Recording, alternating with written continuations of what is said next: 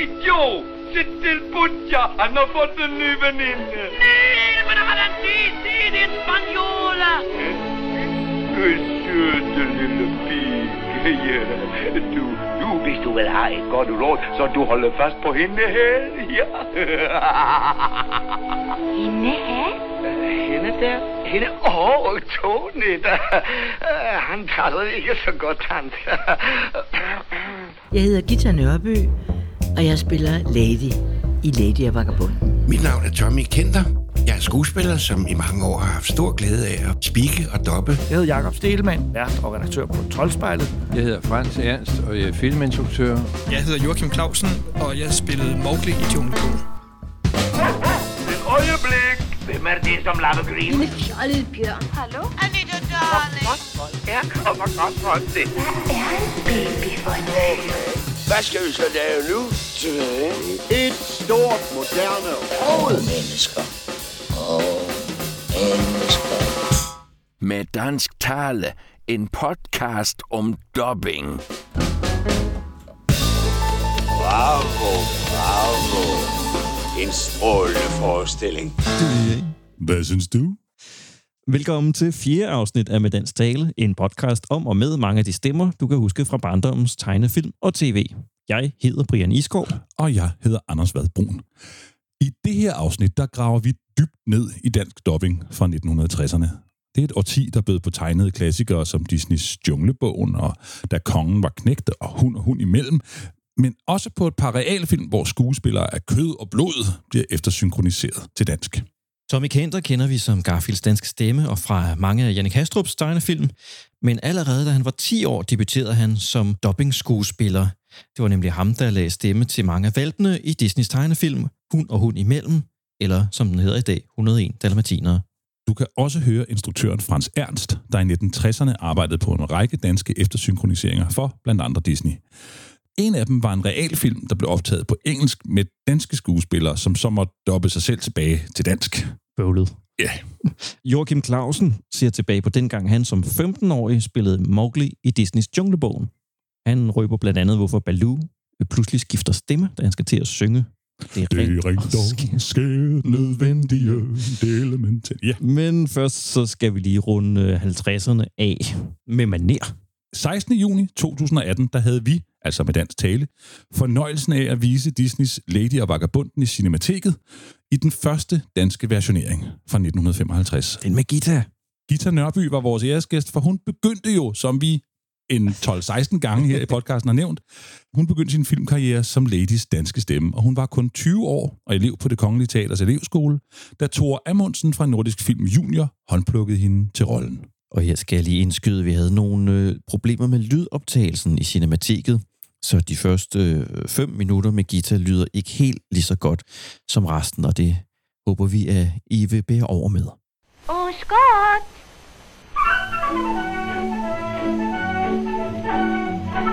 Goddag, skot. Åh, oh, oh, er det dig, lady? Gæt, hvad jeg har fået. Du har fået et bad. Nej, forkert. Så fået kløerne klippet. Mm. Prøv igen. Jeg kan faktisk ikke rigtig huske, hvordan. Men det har vel været, fordi jeg var talentfuld, altså. Det er vel meget naturligt. Og så vælger man mig. Det kan jeg da godt forstå. altså, de har så set sig om efter nogle unge nogen, og så var det jo meget naturligt, det var mig, fordi jeg var jo sådan en lady, sød og yndig og køn. Og øh, havde sikkert den der sådan fine lille stemme. Det passede så ind i, ind i det hele. Gita var henrygt over at få tilbudt rollen i Disney-filmen. Men hendes chef, teaterdirektøren Henning Brøndsted, ville ikke give hende lov. Da Thor Amundsen insisterede på, at Gitas stemme var den eneste rigtige til Lady, så måtte Brøndsted overgive sig, men han stillede en betingelse. Gita måtte ikke krediteres nogen steder for sin medvirken, for det skulle jo nøde den præcedens, at de unge skuespillelever brugte deres tid på at lave film, mens de gik på teaterskolen. Og derfor så står Gitas navn hverken i programmet eller på filmplakaten. Der kan man nemlig læse, at Lady spilles af anonym elev fra det kongelige teaters elevskole. Ja, men jeg måtte jo ikke. Men så gjorde jeg det alligevel. Jamen altså, det, det var tiden dengang, altså. ungdommen var, var jo ikke som den er i dag. Vi skulle sidde øh, derhenne, og så skulle vi tige stille, så skulle vi sige de til alle mennesker, og så skulle vi øvrigt opføre os ordentligt, og så bestilte vi noget fra tidlig morgen til sen aften. For vi var statister hele tiden. Jeg har været med i tusind operaer, balletter og alt muligt. Øh, så det, det var ikke nogen tid, hvor ungdommen var i, i forkant som nu. Overhovedet ikke. Vi var bare nogen, der skulle omføre sig ordentligt og høre efter. Så var det. Og der er så mange, der siger, jamen det var da forfærdeligt, det var da et mærkeligt misbrug af jer. Altså, overhovedet ikke. Vi havde det herligt, og vi vidste, hvordan en forestilling blev til. Og jeg var så heldig at komme ud på Nordisk, ude i Frihavnen. Og pludselig øh, øh, fandt jeg ud af, hvad det vil sige at doppe. Jeg mener, det, det var jo en gave. Og selvom jeg ikke, om mit navn ikke måtte stå på Altså, jeg er den anonyme fra kontaget i. Men hvorfor var det lige, at du ikke måtte nævnes? Jamen, det er fordi, det er jo, du kan ikke sammenligne tiden i dag. Jeg mener, der tror man, når man går på elevskolen, at man skal være store starser. Og det bliver de jo også nogle af dem. Men se en ting, det heldige ved mig, det er, at min karriere er gået så langsomt.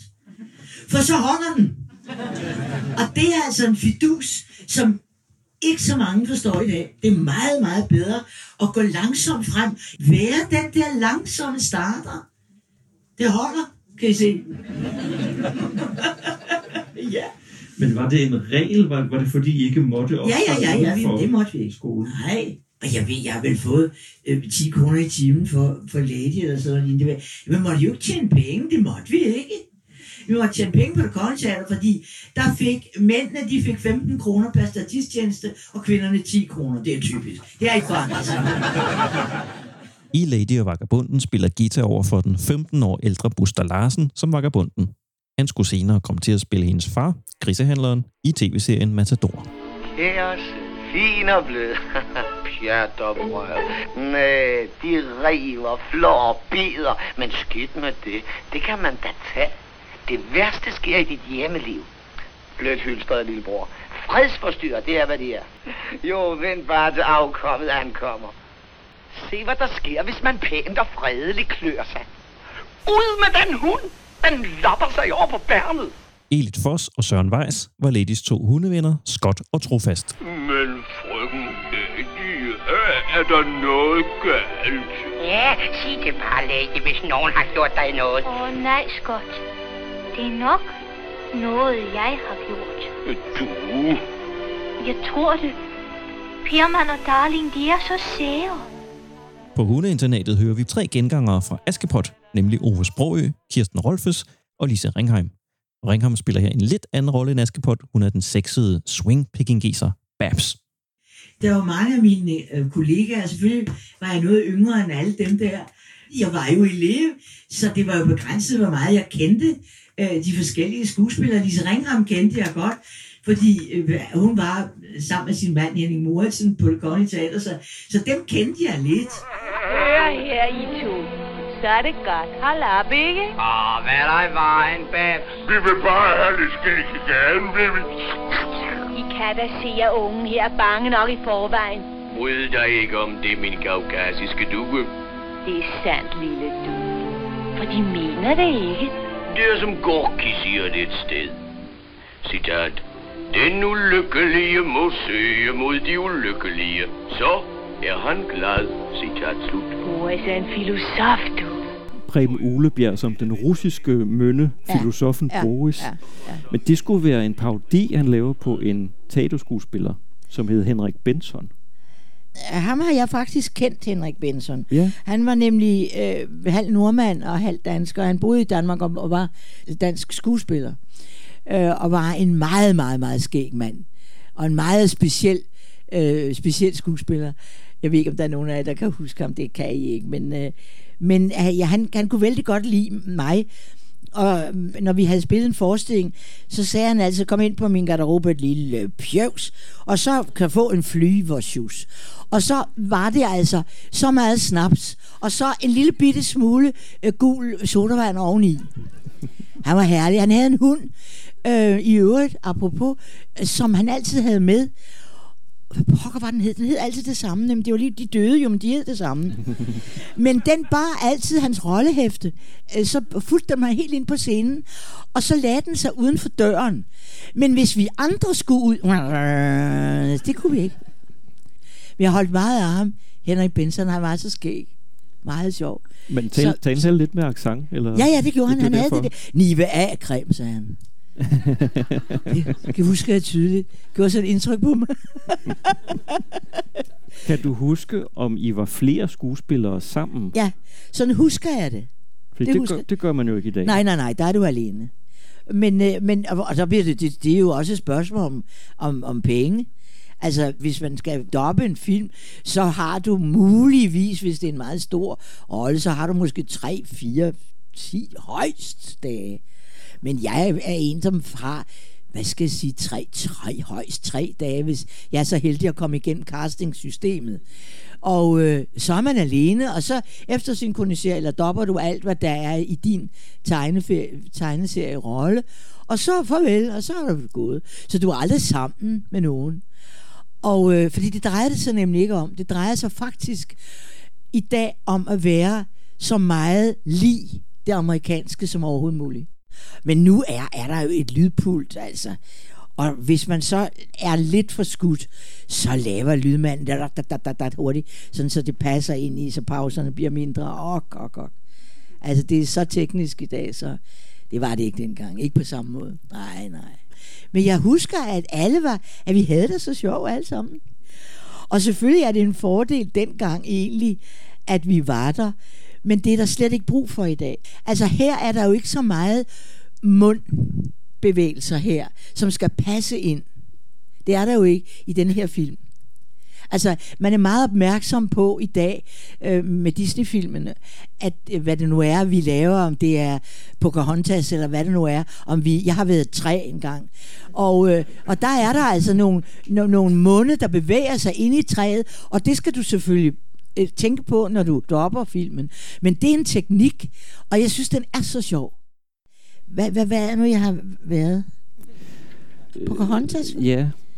Bedstemor piletræ. Ja, netop bedstemor Piltræ. Ja. Det er rigtigt. Det kan jeg tydeligt huske. Jeg tror, at den snorrende pil viser dig den sti, du skal følge. Men bedstemor Piletræ, hvor er min sti? Hvordan skal jeg nogensinde finde den? Din mor stillede mig nøjagtigt det samme spørgsmål. Gjorde hun? Hvad sagde du til hende? Jeg sagde, hun skulle lytte. Der er ånder overalt omkring os, min pige. De lever i jorden, i vandet, i himlen. Hvis du lytter, vil de lede dig. Men jeg husker, at øh, i gamle dage, altså for 10.000 år siden i middelalderen, der, der, der var vi sammen. Fordi jeg husker, synes jeg, jeg var sammen med Buster og med Ove. Åh, Hvad er der i vejen, Pus? det er en dum idé. Hvorfor? Se, der står selv. Nå, jamen, det, det, det er faktisk ideen i. Ideen? De dør! Øh, undskyld, taler de til mig, min kone? Har de ikke forstået dansk, hva? Uh, og en hel del andre sprog. Nej, det siger de ikke. Ove ja. Sprogø. Ja. Han spiller Bølle, tror jeg, han hedder i den her. Jeg er lige ved at tro, det også var ham, der var politibetjenten. Det står ikke nogen steder. Sikkert, sikkert. Den har han ham. taget. Og læge? Lægen også. Aha. Ham har du jo spillet sammen med Ja, ja. i noget, der ligner 30 film Ja, mindst. det har jeg. Ja.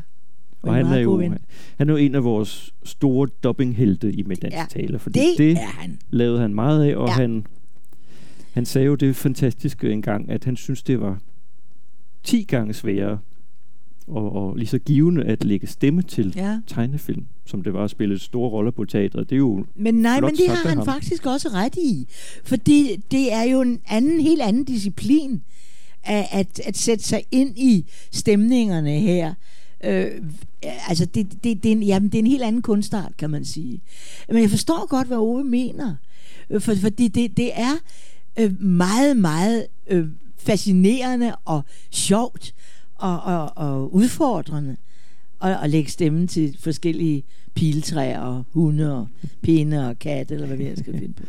Ja, om det, man får vel heller ikke... Hvor tit får man lov til at spille En- Nej, nej, piltræ, nej, Ja. det, nej. Det er den eneste gang, jeg har spillet piltræ, det må jeg indrømme.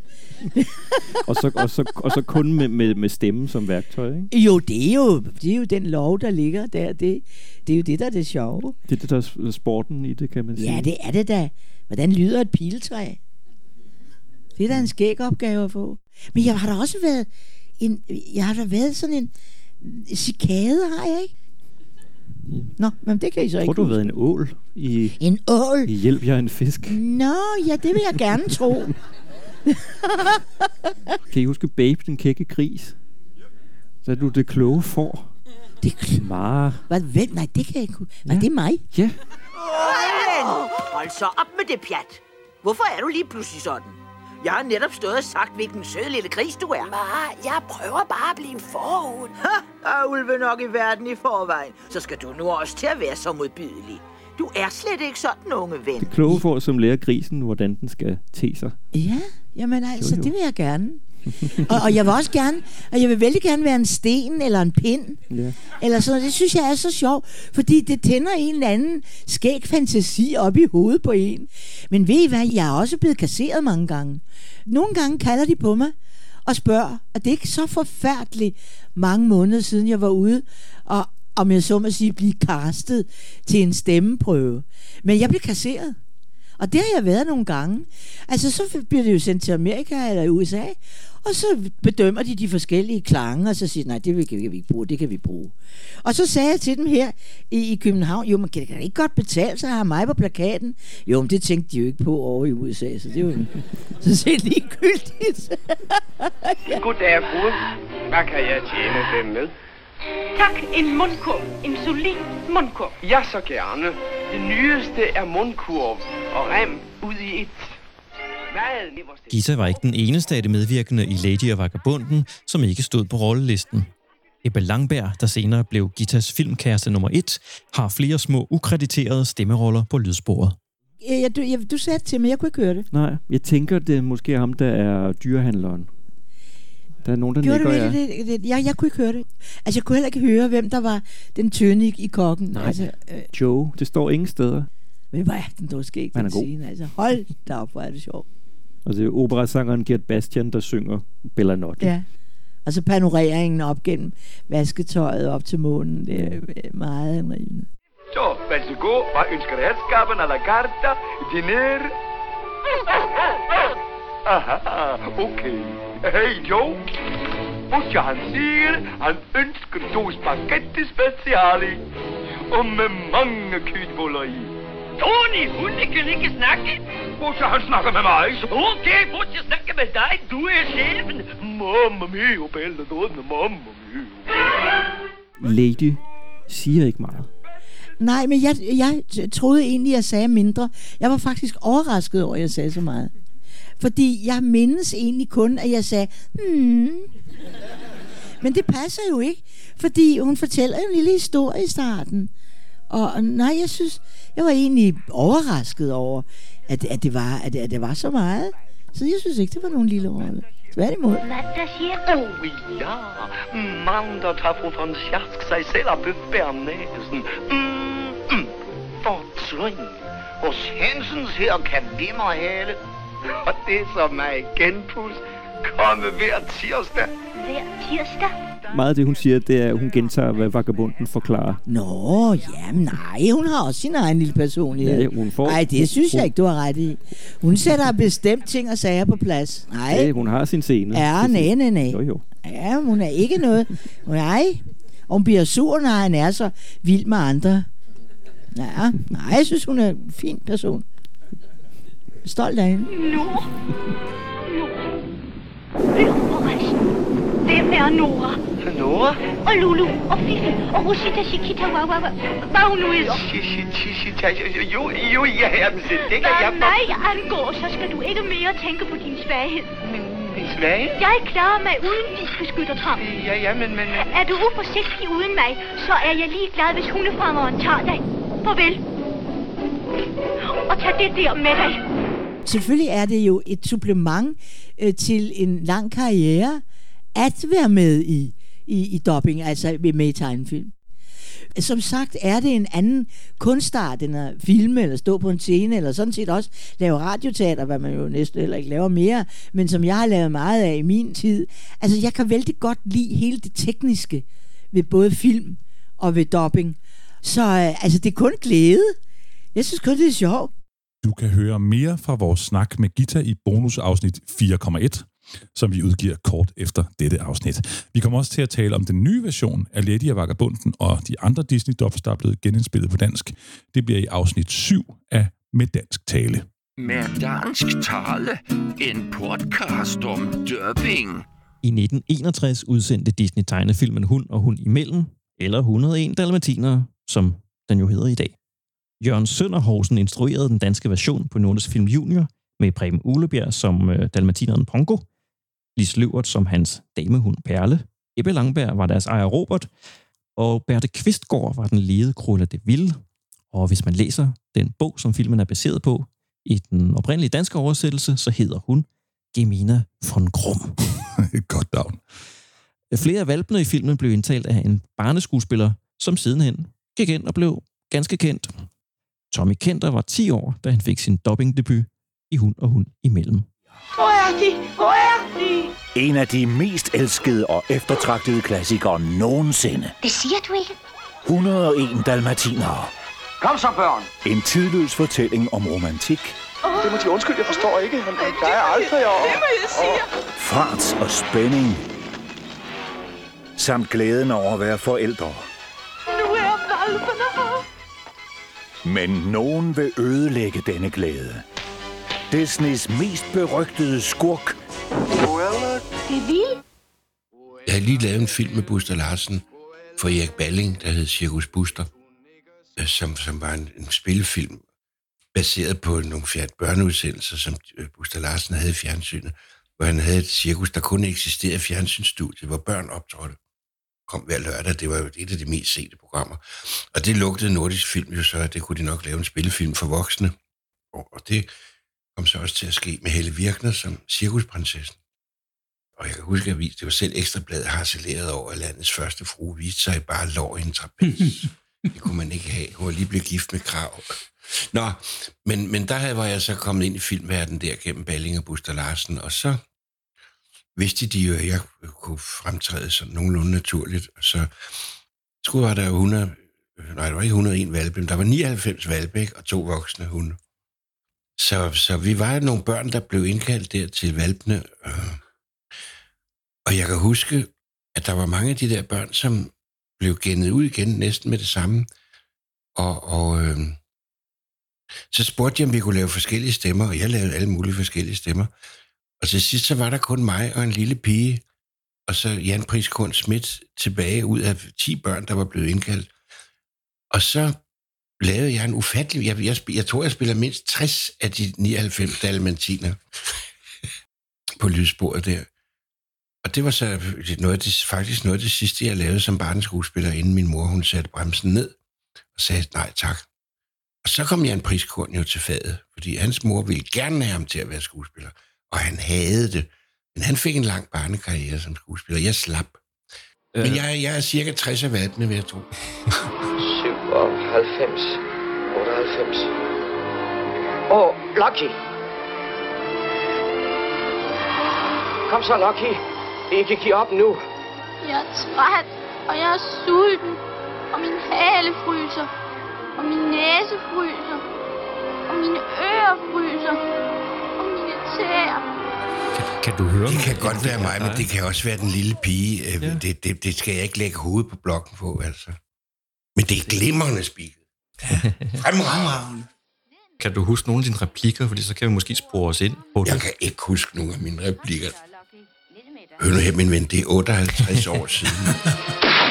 Han ramte ikke. Han rammer aldrig torden. Jeg er sulten, mor. Det er den lille pige, tror jeg. Jeg er sulten. Jamen, Rollo, du har lige spist middag. Men jeg er noget så sulten. Jeg er så sulten, at jeg kunne spise en hel lille fand. Det er i hvert fald ikke mig, det er en pige. Ja, sådan en yngre. Sagde jeg det ikke nok. Det er bare et trick. Lucky, ned med dig. Det kunne godt være mig. Jeg brugte noget, hvor jeg min stemme lidt dybere ned også. Torden Brav vinder altid. Og som vi alle ved. Canine Crunches er de bedste af alle hundekiks. Hvor længe vil du tro, du har været i studiet på den film? Sammenlagt? Ja, godt kæft, det er et godt spørgsmål. Men altså, nu, jeg vil tro nogle dage, ikke? Altså, så måske sådan to, tre, fire dage eller sådan noget. Ja. Og du der. Øh, mig? Det er mig. Er det dig? Det kan jeg helt tydeligt høre mig. Uh, nej, vi er skam ikke stjålet. Vi er købt og betalt. Der er 99 af os til sammen. Som kineser. Hvad med den flok småvalp derovre? De har navne og halsbånd. Det er også mig. De er ikke fra dyrehandleren. Men forstår du, jeg lavede min stemme om til nogle af dem, men den der, det er min egen stemme. Ja. Det er derfor, jeg kan genkende. Der taler jeg fuldstændig som mig selv, som jeg talte dengang. Fordi det kan jeg huske fra Cirkus Buster-film. Den stemme har jeg jo set som voksen også. ikke? Ja, de to bøller, Hej og Jesper. De er skrabærdige. Noget af det, der gjorde det dybeste indtryk på mig, det var nok at høre Berthe Kvistgaard. Vi havde nogle scener, hvor hun også var i studiet der. Hun spillede jo øh, Cruella de Ville. Luk hende ind, Annie. Anita, darling! Hvordan har du det? Modbydelig, darling, som sædvanligt fuldkommen bræd. Hun var fantastisk. Hende så jeg meget op til. Jeg synes, hun var forrygende. Hvor er de? Hvor er de? Jeg var, jeg var kun 10 år, og hun var allerede min yndlingsskuespiller. Det er mærkeligt for en lille dreng på 10 år, at have Berthe Kvistgaard som yndlingsskuespiller. For himlens skyld, hvor er de? Hun blev senere rektor på teaterskolen, da jeg kom ind. Så der mødte jeg hende så igen, ikke? Kom her. Cruella, er det ikke en ny pels? Ah, Jeg gør mig selv lov, darling. Jeg elsker pelse. Jeg tilbeder pelse. Er der nogen kvinde i hele verden, som ikke gør det? Jeg mødte ikke Preben Uleberg. Ham havde jeg set sådan frem til at møde, fordi ham så jeg også op til. Det var min mors yndlingsskuespiller. Jeg kan huske, jeg, jeg, jeg ved ikke, hvor jeg havde det fra. Jeg spurgte hende, at mor, du, jeg ved, du er så vild med Preben Uleberg, men helt ærligt, hvem kan du bedst lide? Paul Rømert eller Preben Uleberg? Jeg vidste, at Rømert, han var verdens dygtigste. Så sagde hun, Preben Uleberg. Så han, han var helten i vores familie, men ham mødte jeg desværre ikke.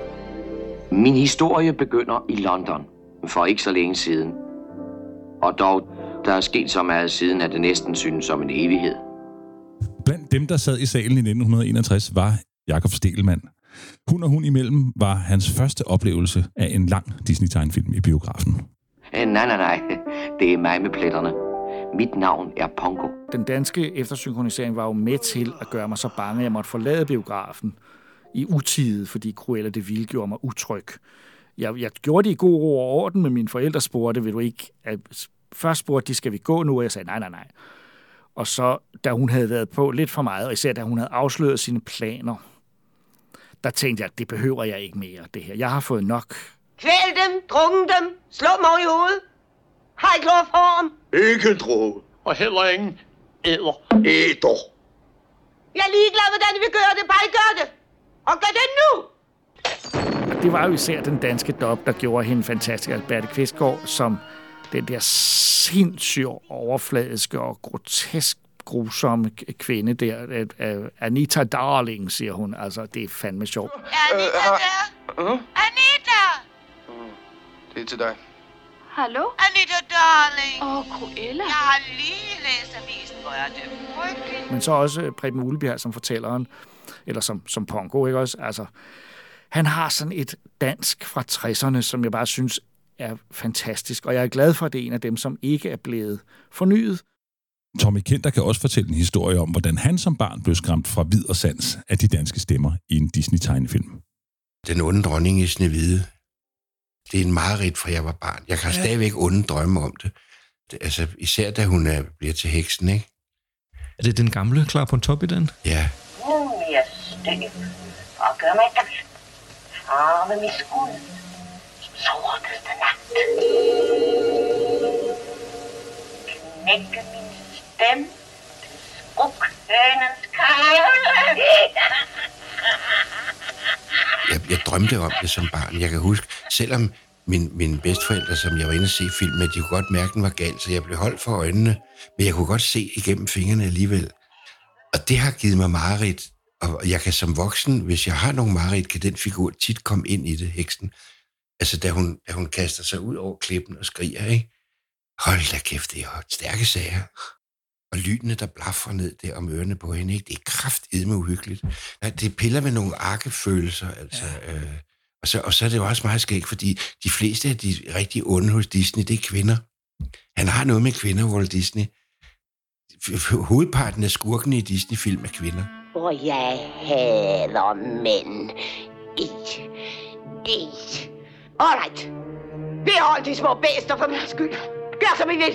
Kvæl dem! Jeg advarede dig, Anita, det er slut. Jeg er færdig med jer alle sammen. Jeg skal tage hævn. Bare vent. Jeg mener, hvad jeg siger. I fjolser. I idioter. Du kan høre mere om den gamle version af Snevide i afsnit 3 af Med Dansk Tale. Og Tommy Kenter, han vender tilbage i episode 9 af podcasten, hvor vi skal tale om hans stemmepræstationer i danske tegnefilm.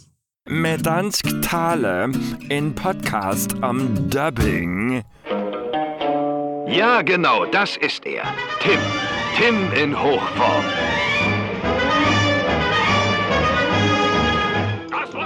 Zum ersten Mal als Realfilm. Die berühmten Hergé-Figuren in einem neuen Abenteuer. Tim und Struppi und das Geheimnis des goldenen Vlieses. Året efter Hund og Hund imellem kunne man for første gang i 30 år se og høre en udenlandsk realfilm med rigtige levende skuespillere, dobbelt til dansk. For en gang skyld var det ikke Disney, der var afsenderen, for filmen var fransk. Tintin et le mystère de la Toison d'Or fra 1961 fortalte en ny historie med Tintin og hans venner fra Hergés tegneserie. Den gik på det tidspunkt i politikken, og de første fire albumer var også udkommet herhjemme. Filmselskabet Palladium havde købt de danske rettigheder til Tintin på skattejagt, som de kaldte den. Og de troede så meget på succesen, at de forsynede spillefilmen med dansk tale, selvom det var omkring 25 gange dyrere, end at lægge undertekster på.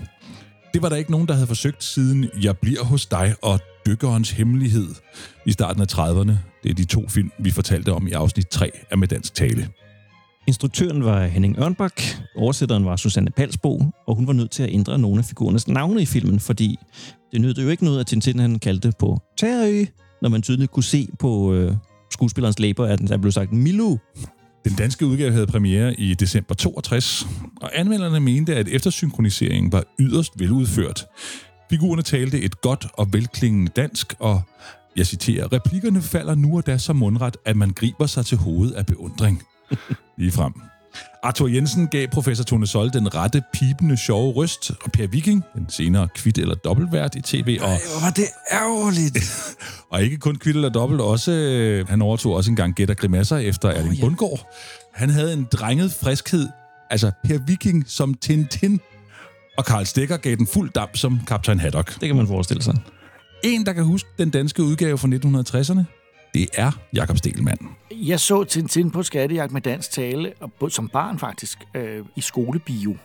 Det var et, et arrangement, man havde, hvor, man, hvor, hvor nogle særligt lødige film øh, blev vist i biograferne for et publikum af, af skolebørn, som var totalt ukontrollable, og filmen var for heller ikke udvalgt med noget særligt øh, kunstnerisk. Men, men Tintin, det er en meget charmerende Tintin-film. Jeg synes, den har meget af det, der er Tintin, selvom det er en live-action-film. Så så jeg den flere år senere, og må bare sige, jeg synes sgu egentlig, det var meget godt. Teknisk var der problemer med øh, læbesynkroniteten. Der var der altid være i live action.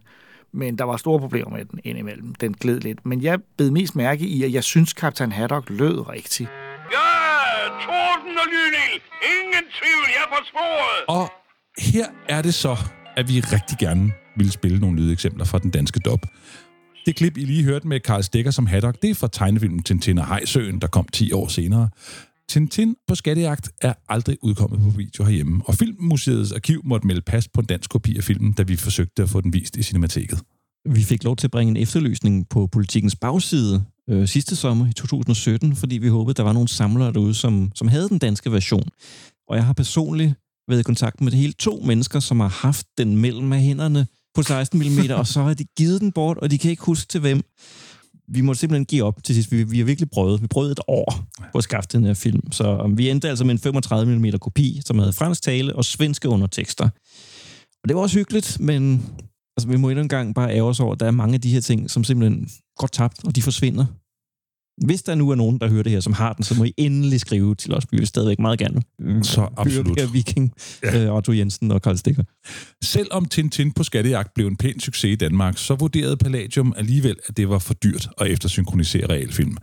Da Tintin og de blå appelsiner kom til landet i julen 1966, så blev den lanceret som en ny, spændende børnefilm med dansk tale.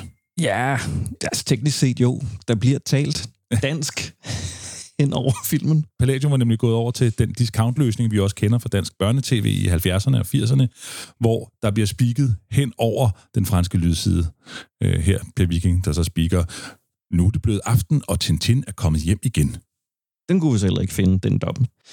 I stedet for så kan vi øh, spille en lille bid af den øh, meget iørefaldende titelsang, som André Pop, Godt navn. fedt navn til en, en komponist, skrev til Tintin på Skattejagt, for den udkom nemlig på singlebladet herhjemme, og den havde dansk vokal af Lise Lotte Bensen og tekst af Susanne Pansbo. Og den får I så på hjernen nu. Kender I ham, drengen med den lyse top? Det er ting ting, om man skal stå tidligt op. Hvis man med hans eventyr skal følge trop. Ja, det er ting, ting, ting, ting, ting Han er hurtig som en vind til at hjælpe, når det gælder Ja, det er ting, ting, ting, ting, ting Som slår en sætning ind, man kan stole på ting, ting med danske tale, det er øh, en podcast om dubbing. Vores næste gæst hedder Frans Ernst. Han er født i 1938 i Assens. Som ung mand kommer han ind i filmbranchen i København som klipper, toneassistent og til sidst også som instruktør. Ude på Nordisk Films Teknik i Frihavnen, den har vi også snakket om i et par af de tidligere afsnit, ja. der arbejdede han på en række eftersynkroniseringer af film op igennem 60'erne. Frans var assistent for Nikolaj Lichtenberg på dubbingen af Disneys tegnefilm, da kongen var knægt i 1964, og han instruerede selv stemmerne til den korte tegnefilm Peter Plys på honningjagt fra 66 og realfilmen Ballerina, også fra Disney. I dag er Frans Ernst blevet 79 år. Han har instrueret spillefilm og tv og dokumentarer, men han har ikke arbejdet med dubbing siden den gang, hvor det var noget med filmsløjfer og akustikplader, og hvor skuespillerne rent faktisk mødte hinanden og spillede sammen i studiet. Nordisk Films Teknik holdt til på hjørnet af Redhavnsvej og Billedvej i Københavns Frihavn, som øh, Christian Mongård forklarede i afsnit 3, så havde Nordisk lagt deres laboratorium derude, for at de ikke skulle betale 12 i de råvarer, de importerede eller eksporterede. Det var jo sådan en, en gammel, var det Riffelsyndikat, den havde tilhørt før? Det ved jeg ikke, den bygning. Men den lå jo meget tæt på kajen. Man skulle jo igennem en, en kontrol, hver gang man kørte ind i det. Det var jo en formsag lynhurtigt, ikke? men der var en, en kontrolvagt. Så det var et frihandelsområde, hvor man ikke bare kunne tage hvad som helst med ind. Så det var specielt spændende at komme på arbejde på den måde jo.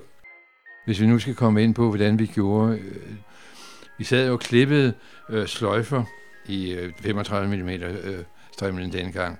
Og det vil sige, at man tog en scene ud øh, af tilpas længde, ikke for kort og ikke for lang, fordi man skulle nå at få altså hele stemningen i, i, i scenen øh, ind i, øh, i hovedet på, på skuespillerne, og, og, og, og så må det ikke blive så langt, så man ikke kunne, øh, skuespillerne ikke kunne huske det hele. Så det var sådan den der, altså et halvt minuts penge, måske længere, afhængig af, hvor mange replikker der var. Og nogle skuespillere, de kunne kun øh, lide at se øh, billedet. Det forstyrrede dem, hvis de fik det ind øh, på hovedtelefoner ind i hovedet. Susse Vold var en af dem, der, øh, hun, hun ville ikke andet end se billedet. Ove han kunne begge dele. Alle fik jo originalen ind i hovedet først, og, og så var der altså, så slukkede vi som regel på et eller andet tidspunkt. Ikke? Men der var altså også nogen, der under optagelsen gerne ville beholde øh, originallyden i, i, i øretelefoner. Og det er jo øh, straks det er kompleks, hvis, hvis du får en, en rytme ind i øret og, og en spillestil ind i øret, samtidig med at du spiller den på din egen måde. Ikke? Og der var jo nogle gange også forskel på den måde, en Disney original blev spillet på, og den måde, vi synes, vi skulle spille den på, på dansk til et dansk publikum. Der er nogle valg der, man skal tage i hvert fald. Der er mange øh, mellemregninger der, ikke? Samtidig med, at man jo egentlig som, som skuespiller skal fungere på et øh, ubevidst plan. Du kan ikke lave det, altså, det er ligesom at spille tennis. Du kan ikke lave et slag, hvis du analyserer det for meget. Vel? Du skal holde op med analysen på et eller andet tidspunkt, ikke? Øh, så det er sådan et forsøg på at beskrive, øh, hvor komplekst det egentlig er. Altså. Det var meget tilfredsstillende, at det var noget rent mekanisk. Vi havde jo brug for, at den samme stum film kom til at, at køre på, øh, altså det var jo en almindelig projektor på lærredet der, øh, igen og igen. Dels så, så skuespillerne kunne øve, hvad de skulle sige, øh, det rigtige antal gange, og når man så synes de var, de kunne det nok og, og var varme, så slog vi altså optage øh, maskinerne til. Og så spillede vi, så gjorde vi det så mange gange, som det nu var nødvendigt, indtil det var. Og så rettede jeg dem jo ind imellem og sagde, kan du ikke lige gøre det lidt hurtigere, og det ord lidt langsommere, og hvad ved jeg, hvad nu ellers sagde, ikke? og lidt mere varmt på den replik. Og så blev jeg også meget støttet af Henning Enemark, der jo altså var en erfaren tonmester, om, om hvorvidt det nu var, var synkront eller ej, og hvad, om, om akustikken var rigtig osv. Det er sværet i stenen. Sværet i stenen. Det er jo umuligt. Denne dreng Men se! Ja, min sanden. Hvad hedder drengen? Øh, Pros. Øh, øh, jeg mener Arthur. Hild, kong Arthur! Hyld, kong Arthur! Længe leve kongen! Jeg kan ikke tro det. Øh, Noget af det sværeste, det var jo at få det rigtige lydperspektiv, ikke? den rigtige afstand fra, fra personerne til mikrofonen. Enemark måtte ned i, i studiet og, og, og flytte mikrofonen flere gange. Det, det, var altså, det var noget af det mest krævende, synes jeg, at, at finde det rigtige perspektiv. Hvor har de haft øh, mikrofonen, da de lavede originaloptagelsen? Og når der var tegnefilm, ja, så må vi jo selv finde på det. Men det synes jeg også, at Enemark var. Han var sgu en dygtig mand, det var han. Og altid ligevægtig. Det var jo det, der var med, med, med tonefolkene. Øh, Kontrast til os andre, der godt kunne tage hovedet af og til. han havde sådan nogle, når nu snakker om akustik, så havde han jo sådan nogle trekantede kasser, der gik i, helt nede fra lavt øh, på væggen og, og højt op på, på væggen, som havde tre forskellige overflader. En hård, en blødere og så en, en stof. Jeg ved ikke, om han selv har opfundet det. Det har han muligvis. Men det var noget, det brugte meget. Altså, når det, når det var en, en helt tør speakeroptagelse, så var det den bløde, ikke? så skulle vi ikke have for meget rum. Men han, på den måde kunne han faktisk ændre meget på rumklangen. Alt kunne laves i det studie, sådan set, at, så, så det blev nogenlunde troværdigt, at det var det rigtige, det rigtige rum. Ikke? Noget af det rigtige seje, det var jo at lægge det på til sidst, ikke? altså håndværksmæssigt seje, og, og flytte stort set hver replik et eller to billeder. At det, så, så meget gik vi jo ned i det. Det var stort set hver replik, altså. Og tit klip i, inde i replikken, ikke? Men det har jo også været et skønt job for ham, og, og så møder der en hel masse nye skuespiller op og med en ny tekst, og ja, det er jo også sjovt, når, det, når man kan sit job, så er det jo også sjovt, hvis det er svært. I 1964 der var Frans Ernst med til at lægge dansk tale på Disneys The Sword in the Stone.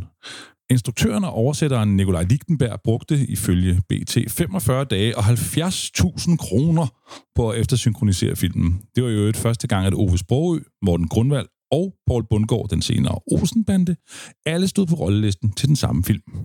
Nordisk Film var gået bort fra deres lysevis-teknik, som vi hørte om i afsnit 3, men skuespillerne kunne stadigvæk komme ud for at optage deres replikker sammen i lydstudiet. Altså, nogle gange tog man en af gangen, når, når man ikke kunne få dem til at komme samtidig og sådan noget. Men som regel var det to, tre af gangen. Og, fordi de kunne godt lide, at det lignede en, en rigtig spillesituation. Det gjorde det ikke nemmere for os at få det synkront. Men øh, især ikke, hvis en af, af de skuespillere, der var god til at blive synkron hurtigt, var sammen med en af dem, der var langsommere til det. Øh, men, men det gav jo noget i, i, i spillesituationen, ikke? som jo trods alt er et meget vigtigt lag i en eftersynkronisering. Ikke? Så det gjorde vi som regel der, ikke? Flere af gangen. Det stod altid op. Det ved alle skuespillere også, at man, kan, man har ikke fri stemme, når man sidder nede. Altså, så var der jo hele dybden i, i uh, lydperspektivet, ikke? Så skulle de stå i forskellige afstand til, til mikrofon, de forskellige mikrofoner, ikke? Da kongen var knægt, kom senere til at hedde Sværet i stenen på hjemmevideo, og her forklarer Frans Ernst historien bag den kreative danske biograftitel. Altså, The Sword in the Stone er jo originaltitlen. Ja, så synes vi, vi skulle, burde finde øh, på en bedre dansk til, og det var faktisk mig, der, der fandt på, og jeg fik en flaske whisky for at finde på den, på den, der blev den danske titel, så, så det, det, det er forklaringen. ja, mørke tider er der. Ingen moderne bekvemmeligheder. Øh. Ingen vandledninger. Øh. ingen elektricitet, ikke noget.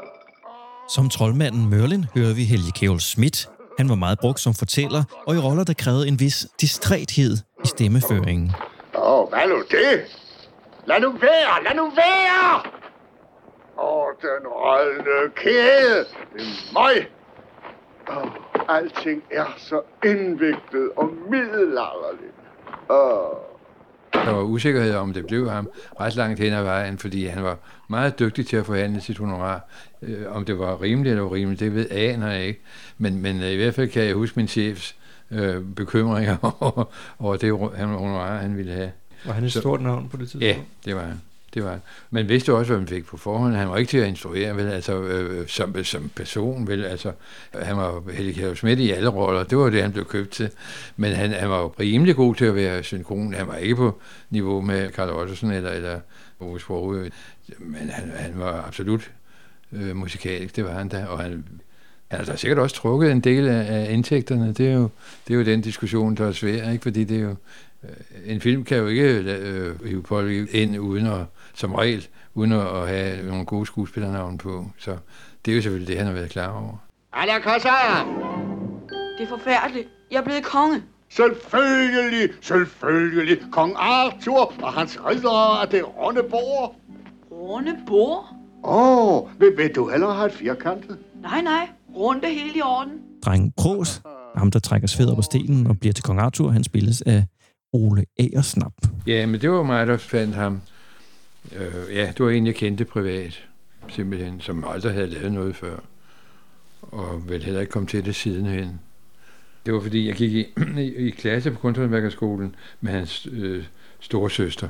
Og jeg kom i deres hjem. Det er altid svært at finde børn, jo. Ved du, hvad der er blevet af ham sidenhen? Ja, han er død desværre. At han begik selvmord på et eller andet tidspunkt. Han forsøgte at blive øh, billedkunstner.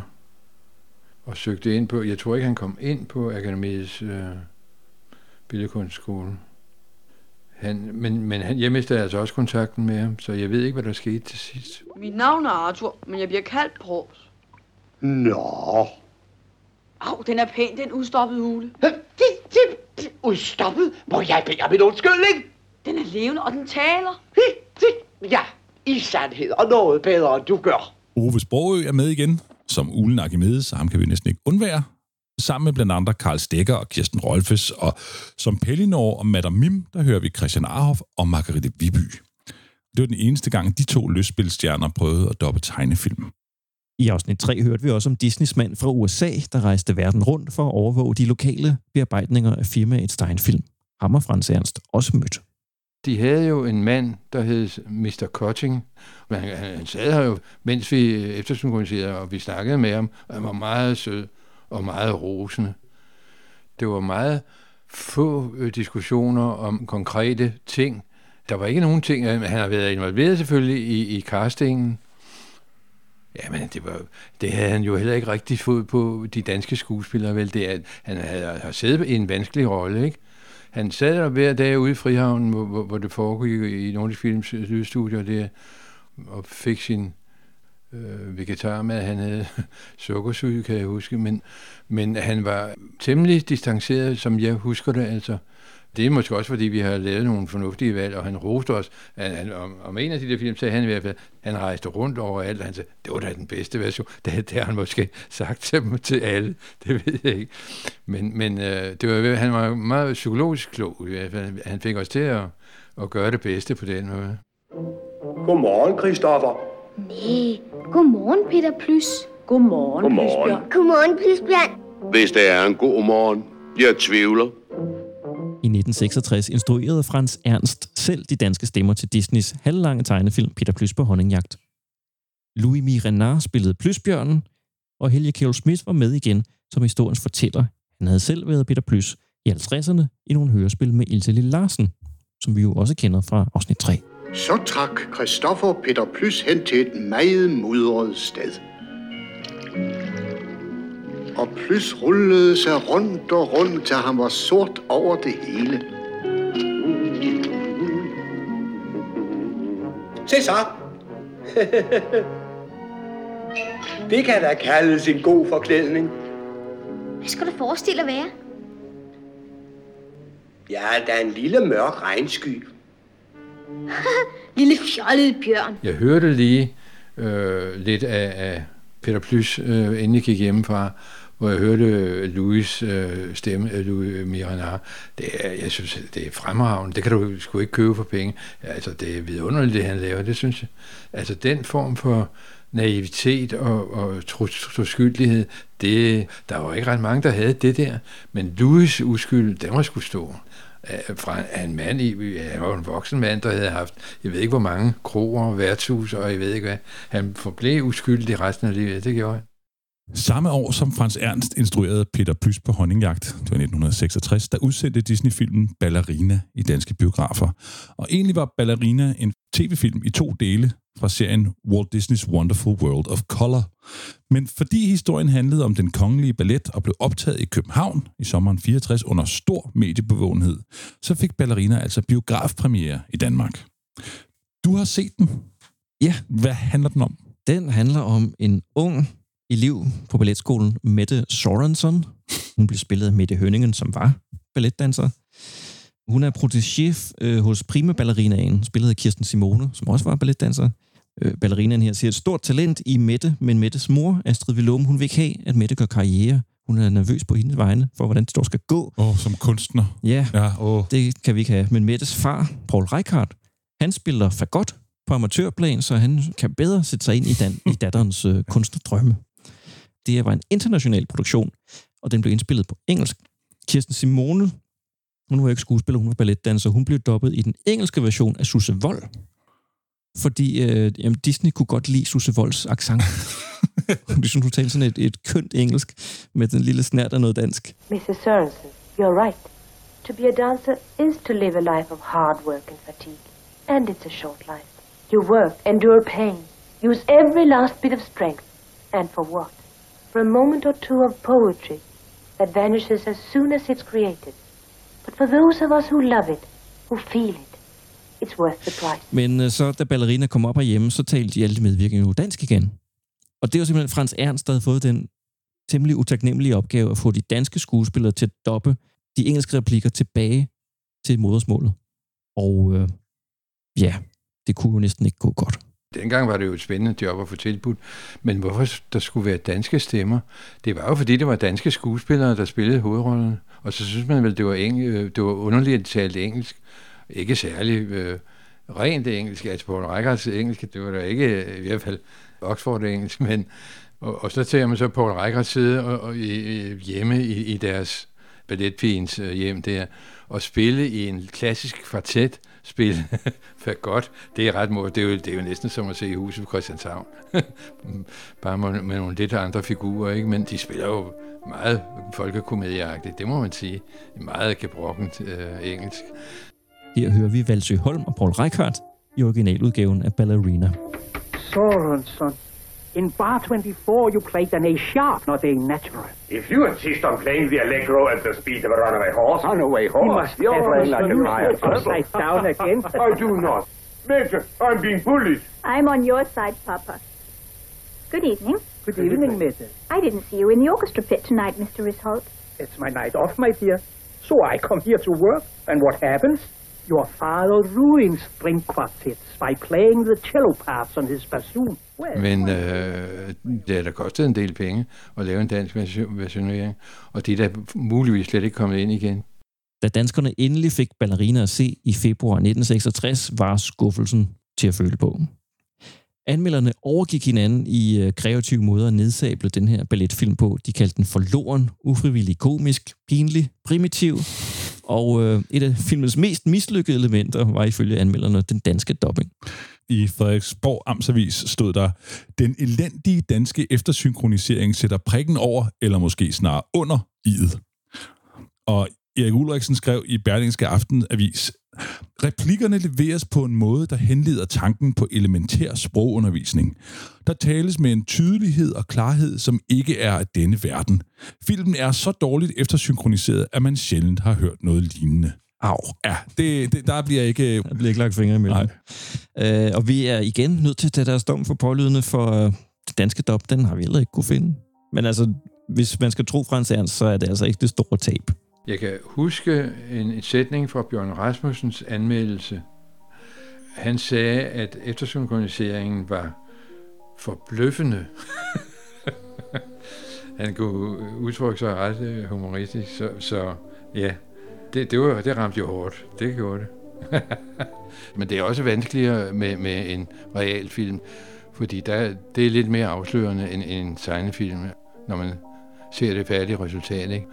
Man accepterer som, som tilskuer meget mere, at der er små ting, der ikke er helt synkrone på, på en tegnefilm end, end på en realfilm. Ikke? Altså, der kræver man virkelig præcision, og der var nogle ting, der var meget vanskelige at oversætte. Som instruktør er man jo dybt involveret i, i oversættelse. Selvom man ikke måske er den, der har oversat fra ende til anden, så tjekker man jo det hele af, for kan det lade sig gøre, og hvordan, hvordan bliver det i virkeligheden. Det er jo en helt anden øh, mundstilling, når du søger no og nej, ikke? Og det giver jo så øh, ja, en del øh, problemer med at, at få en anden form for oversættelse, fordi den er, den er lidt for tydelig. No og nej, den, den er svær, ikke? Altså nogle gange på tegnefilm, så er det heller ikke tegnet så tydeligt, så det er afslørende, men, men det var en af grundene til det, at det gik så dårligt med, med ballerina. Ikke? Det var simpelthen, der var nogle ting der, der var vanvittigt svære at få, altså i oversættelsen at få plads til det. Engelsk er jo et sprog, hvor det er nem, gennemgående er nemmere at udtrykke sig kort. De har jo meget flere øh, nuancer, altså mange flere ord for det, det, vi tror er det samme. Men det er den slags ting, man ryger ind i, når man sidder med, med sådan en oversættelse. No, no, Mater. You're supposed to be jealous of the doll in the window. Now show it. Jeg oplevede det jo ikke, at vi lavede noget katastrofalt, mens vi lavede det. Det var ikke sådan. Det var svært.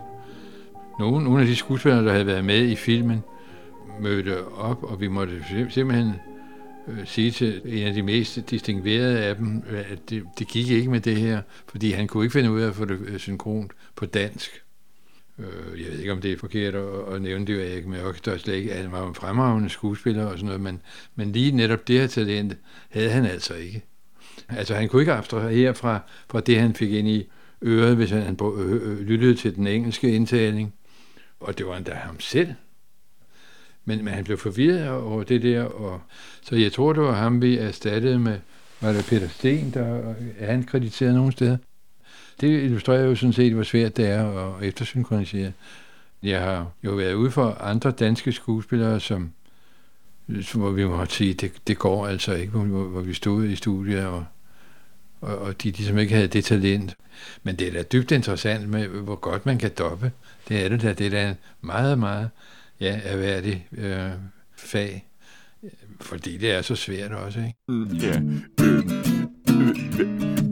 med dansk tale.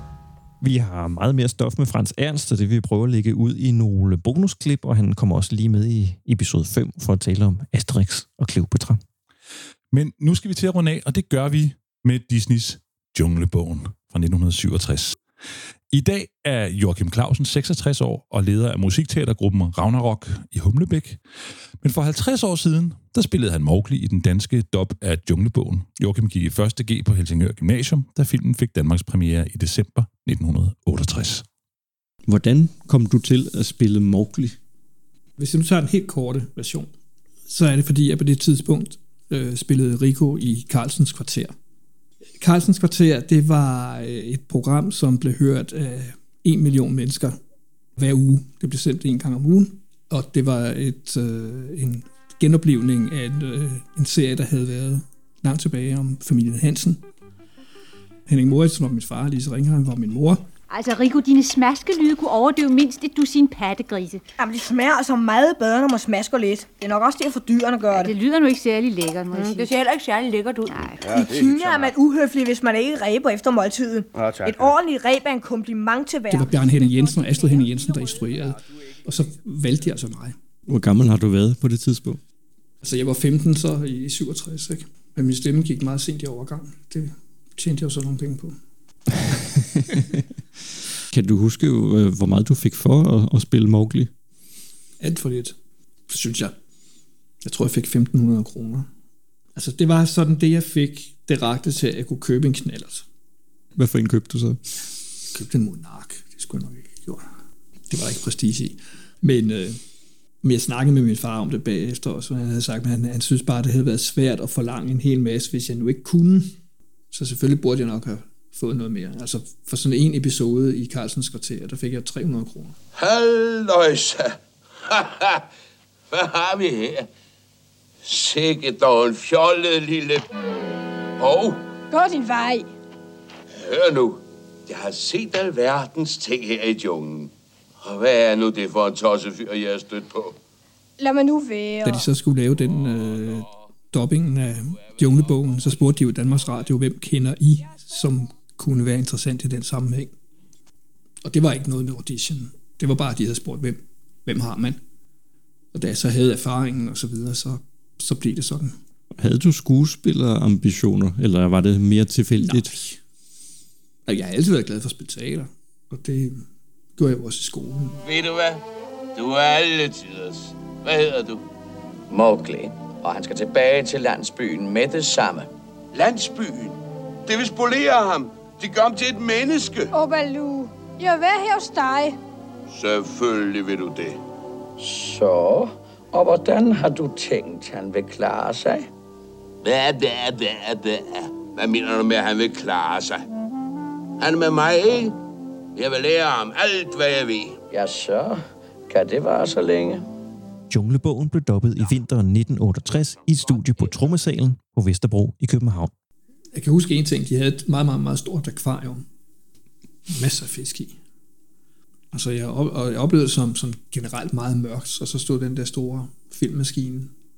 Det har ikke været, der har ikke været mange kvadratmeter totalt set. Der, hvor vi stod, der var ikke ret meget plads. Og stod I så rundt om en mikrofon? Var den, eller hvordan? Nej, vi stod på række. Der var sådan en stor, en stor glasrulle, og så var der sådan en, en hylde for, eller hvad man skal kalde det, på, foran, hvor man kunne have manuskriptet liggende til den næste sløjfe, man skulle lave. Hver sekvens lå på en filmspole. Og så kunne vi stå der og se, og så havde man så de der hovedtelefoner på. Så det var, det var lidt klaustrofobisk. Altså, der, der var ligesom pladser øh, inden, altså man ligesom forestille sig en, en, en lang, en stor rude, og sådan en, en, en hylde hen, hvor, hvor man kunne have de der ting liggende. Så må der have været en mikrofon til at være. Så de blev optaget separat. Så altså hver, fordi, se, hvis den ene stemme ikke havde passet, så kunne man køre den stemme igen. Og så kunne de andre bare lade være at sige noget. Og var du derinde alene og Jeg sammen har med været andre? der alene, men for det meste var vi i hvert fald to. Jeg har været der også, hvor jeg har været der fuldstændig alene. Det var selvfølgelig ikke helt så sjovt, som at være sammen med nogen. Hvor de så havde haft nogen inden. Det var også sådan lidt med, hvornår var, skulle de være på teateret, og, og sådan nogle ting kunne spille ind. Og ellers så tror jeg, at de kørte pretty much fra den ene ende til den anden. Nogle gange lykkedes det jo first take, men det var ikke, ikke normalt. Mm. Altså normalt var det sådan, at jeg sagde, nu prøver, nu prøver vi lige en, og så ser vi lige, hvordan det går. Først skulle vi høre den med, med den amerikanske lyd i, i hovedtelefonerne. Og den havde vi jo så også, når vi snakkede. Og så prøvede vi lige sådan at, at snakke med og se. Og vi måtte ikke se teksterne på forhånd. Altså, vi havde ikke teksterne med hjemme. Det var også en del af, af konceptet, at det var ikke noget, vi måtte gå og øve os på, fordi vi skulle have det i forbindelse med det visuelle. Det giver også meget god mening. Kurt E. Sørensen oversatte og instruerede dubbingen for nordisk film. Jeg kan huske, de snakkede om, at han var fantastisk god til at finde ord, der passede til mundstillingerne. At det i sig selv jo er en kunst. Det snakkede de om, at det var han super dygtig til. Det handlede ikke bare om at finde en, der var god til at oversætte, men det skulle være en, som netop havde den der kompetence med også at kunne, kunne finde de ord, som passede til, til mundbevægelserne. Alt, hvad du skal tænke på, er... Det er rent og skært nødvendige, det elementært nødvendige. Som junglebumsen Baloo leverede Karl Ottosen en af sine store glansroller. Men det er faktisk ikke ham, der synger Baloos berømte sang. Det er rent og skært nødvendigt. Få det der Du har vel flest scener sammen med Baloo, Karl Ottosen. Ja, ham var jeg faktisk rigtig meget sammen med. Og jeg tror langt, langt det meste, at det, dem har, det har vi lavet sammen. Jeg kan slet ikke huske, at, at jeg har været der med, med de scener, uden at han var der. Han var virkelig sød. Altså, ham var jeg rigtig glad for. Men han var jo ikke med fra starten. Den første, den første optagelse, der var det jo Freddy Albeck. Tag fat. Begynd at tale. Du æder myrer. Og der brugte vi en hel dag på, at Freddy Albeck ikke kunne ramme. Han, han kom hele tiden for sent. Der gik en hel dag med det. Og så, måtte de, så fik de så fat i Karl Ottesen i stedet for. Og jeg var, jeg var sådan set glad, da det blev Karl Ottesen i stedet for, fordi han var en helt anden type. Var han lidt Baloo over for Ja, dig? det var han faktisk. Hvad vil du et? Det ringer skæbne. Så Freddy Albeck startede med at spille Baloo. Han startede med at spille Baloo, ja. Men han nåede så åbenbart indspille øh, sangen. Det gjorde han, ja. Det, det forklarer sig, hvorfor han er krediteret på pladen Ja. for den sang. Så det er ikke Carl Ottosen, der synger. Det er ikke Carl den. Ottesen, der synger, nej. Det er i øvrigt heller ikke mig, der synger Mowgli. Det er en dreng fra Radioens Drengekor. Så er det der nødvendige Nemlig. Anders, jeg ved jo, du er ret glad for Junglebogen. Ja, det er en af dem, som jeg har et, øh, et nært barndomsforhold til. Noget af det, der står tydeligst, det er jo de sange. Det er rent skært nødvendigt, og hvad hedder det, øh, et menneske ligesom du. Din favorit, Svend Asmussen? Ja, som Kong Louis. Ja, ja, hey, åndssvagt, mand. Der har jo siddet nogen, der skulle få en, øh, en dansk orangutang til at lyde hip. Det er så inderligt charmerende, og derfor fungerer det stadigvæk i dag. Mm. Vi har også øh, nævnt Preben Ullebjerg et par gange i det her afsnit. Han, han var med igen i den her film, men den kommer faktisk ud efter hans død. Han, han blev jo kun 38 år. Ja, han døde i 68. Hvad, han kørte galt på Helsingør Motorvejen en, en toget aften ja. i maj. Da man aldrig rigtig fundet ud af, hvad der var, der skete. Måske en spøgelsesbilist eller noget. Ja. Men uh, han blev i hvert fald meget rost for sin indtæling af Bagheera! Panteren Bagheera. Han er i far! du kan den udenad. Jeg havde den på lydbånd, og det var en af dem, altså, altså, de lavede de der fantastiske, både som LP og bånd, hvor man kunne høre en, høre en film. Ja, ja. Øh, og det, var, det var det eneste, man havde dengang. Ja. Hvis man ikke skulle vente syv år på, at den fik repremiere i biografen. Ja. Og så Kirsten Rolfes med igen, men ukrediteret den her gang, ja. som elefanten Winifred, generalens øh, hustru. Så du har ellers lige glemt vores søn, som hun siger. Ja, en af dine yndlingsreplikker. Ja, det er også, ja. Elefanter glemmer aldrig. Og så øh, står der heller ikke nogen steder, hvem der spiller elefantungen i vagtparaden, men det vidste Joachim Clausen.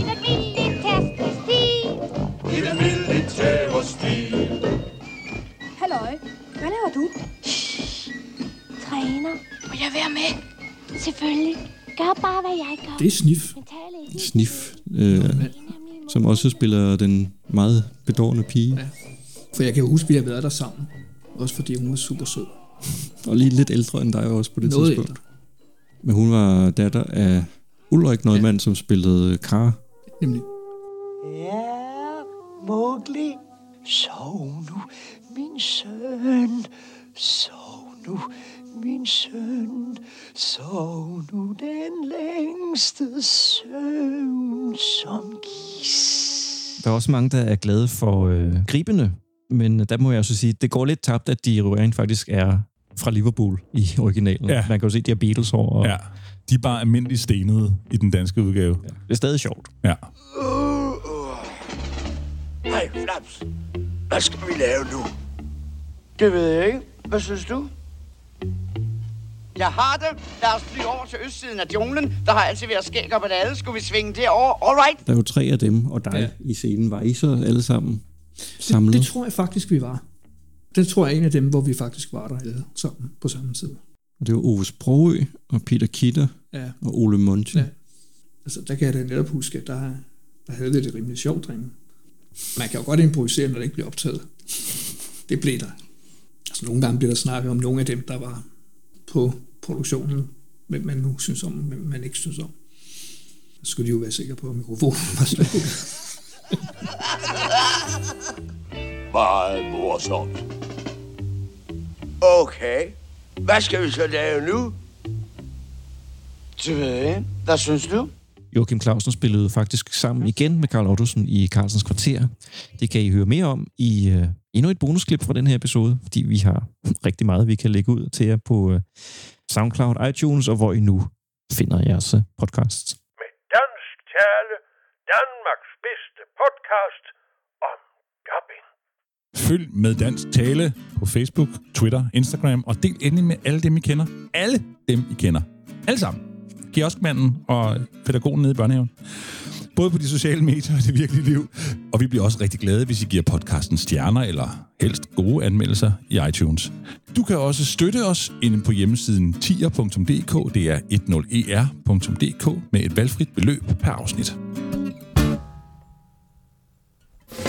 I afsnit 5 skal det handle om dansk dobbing i 1970'erne. Og vi havde jo sådan set lovet, at Frans Ernst vi fortælle om Asterix og Kleopatra i det her afsnit, men vi er simpelthen løbet tør for plads, så den del af interviewet må vi vente med til næste gang.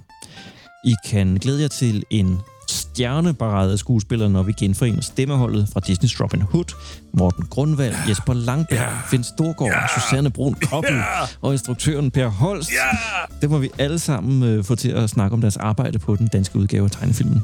Vika Bro fortæller om at lægge stemmen til Sofus i Bjergkøbing Grand Prix. Daimi og Gert Fredholm fortæller om deres version af Pinocchio fra 1978. Og så når vi forhåbentlig også at runde Tintin-hørespillene med Bob Goldenbaum. De bliver nemlig snart aktuelle igen. Du kan finde credits og bonusmateriale på meddansktale.blogspot.com. Og her er det Anders Vadbrun og Brian Iskov, der siger tak for nu. Og på genhør.